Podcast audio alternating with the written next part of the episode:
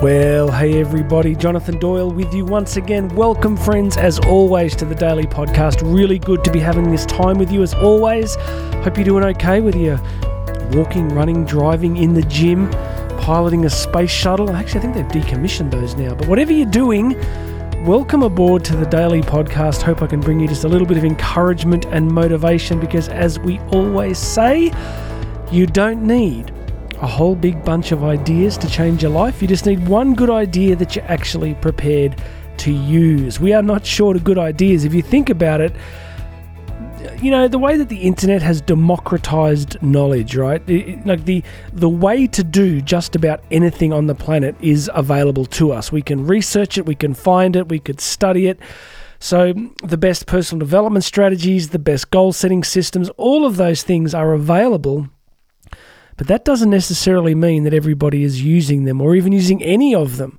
So it doesn't matter so much what the systems and strategies are. Well, um, I should clarify, they're important that we use the, the best possible strategies for our circumstance. What matters more than anything is that we're actually doing something, we're actually using those strategies. We're going to talk about that today. Before we jump in, please make sure you've subscribed. Does make a big difference. So hit that subscribe button wherever you're listening. I'd love you to share this with people. And of course, if you could possibly leave a review or a comment on whatever platform you're listening on, that also makes a really big difference. I'd love you to do that. As always, check out the show notes because there are links there to get a free copy of my book, Bridging the Gap. You can access a free version that we're going to email to you. So you can grab that. You can also find out how to book me, where to book me, uh, to speak at conferences and events, and a whole bunch of other stuff that we do. So please check out the show notes. Friends, let's jump in today. Today, today, today. Well, let's just flashback first. Yesterday, we talked about resilience and hardship. We talked about the fact that as we go through this journey of life, there will be moments of difficulty and hardship, sometimes many of them such a mystery. Some of us roll through life without too much going wrong, and then others of us can have a really tough time of it. But what matters isn't so much the quantity, it is the quality of our response to difficulties and hardships that makes the difference. And on that theme, today we're going to be talking about action.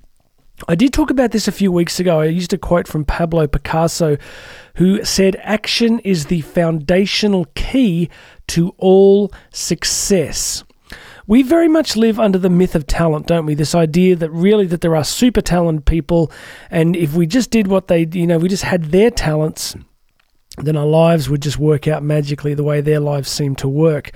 But what we do find when we look under the hood, when we sort of pull back the veil, if you've ever seen that, um, the famous Wizard of Oz movie, you'll see that final scene where they pull back the curtain and they see what's really going on.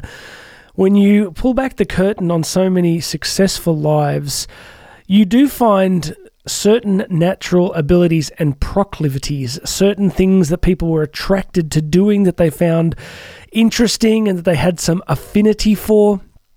And that's a mystery too, right? Like how that works out in individual lives. Everybody's different everybody just uh, is drawn towards different things on the journey of childhood. So we've all got these different skill sets and talents. So, what is the difference? What is the big factor? I'm going to be honest. There is luck. There's definitely such a thing as you could call it luck. Some people are just in the right place in the right time.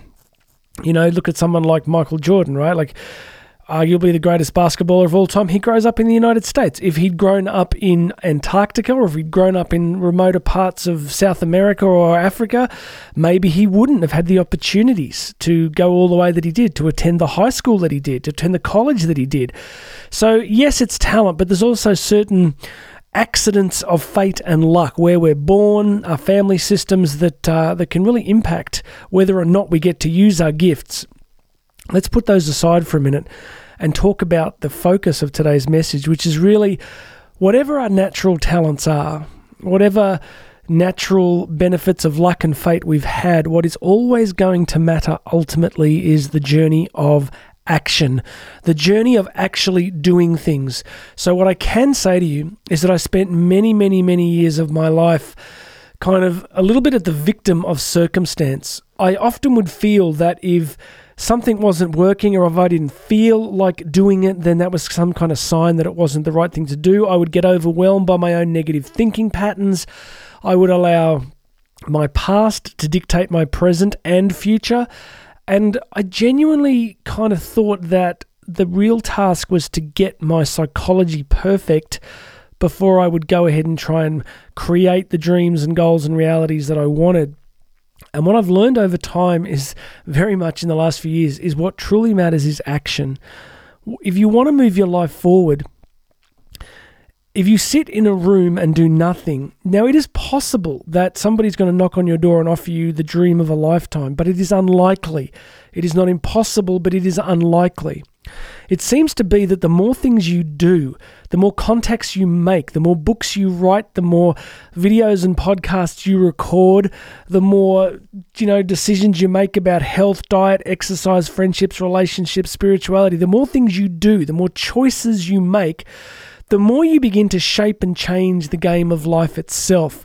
I didn't get to write the script of how the cosmos is organized, but I can promise you that this seems to be a powerful, powerful universal principle. Taking action, taking as much action as you can reasonably take on key things day after day after day.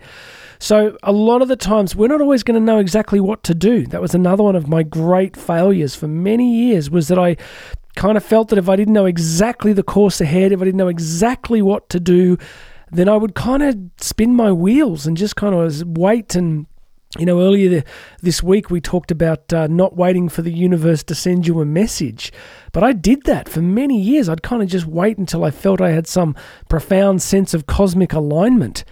So, what I desperately want to say to you today is, you know, take the benefit of my experience, take the benefit of what I've learned, which is that action matters, just doing stuff. And often, once you get forward momentum, once you start moving and doing and taking action, things begin to change for you.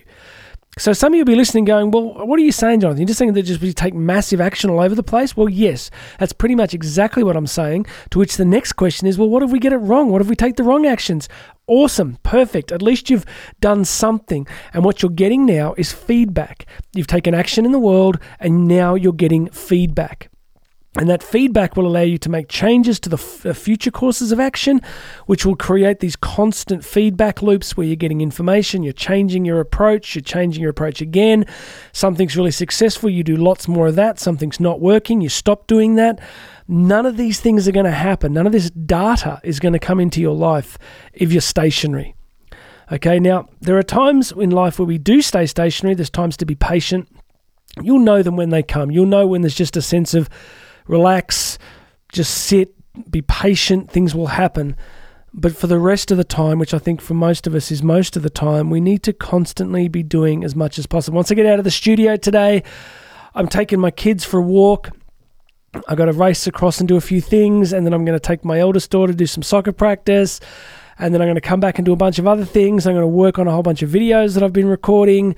So I'm just going to keep moving forward. And uh, friends, you know, I just find that if you want to beat things like depression, if you want to beat things like anxiety, so much of the time, depression and anxiety come from rumination. They come from being very stationary and depressed in our energy and in our things like body posture and our breathing patterns and we kind of collapse into ourselves, not minimizing the other ways that depression can come into people's lives. So I don't want to go down that rabbit hole. I do understand that we can experience all forms of trauma in life, but a lot of the time, depressive states can be entrenched by long term rumination, long term thinking and overthinking and overthinking and wondering and worrying and obsessing Whereas often, if you'll just get moving, if you'll just start moving forward, things can begin to really change for you. All right, I hope that's useful.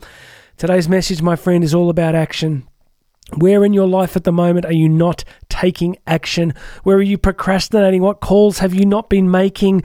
What uh, catch ups and relationships have you not been working on? What health, uh, energy, exercise, financial, business, professional, promotional goal have you not been working on? Pretty much any action is better than no action. So get to it, my friend. Get to it. Please make sure you've subscribed. Hit that subscribe button. Go and check out all the show notes. Go and grab a free access pass to my book, Bridging the Gap. Find out how to book me to come and speak. Go and check those notes. But for now, get moving, huh? This is the universe is talking to you. This is me being a humble conduit of energy and action into your life. Take action, get moving My name's Jonathan Doyle, and this has been the Daily Podcast. You and I are going to talk again tomorrow.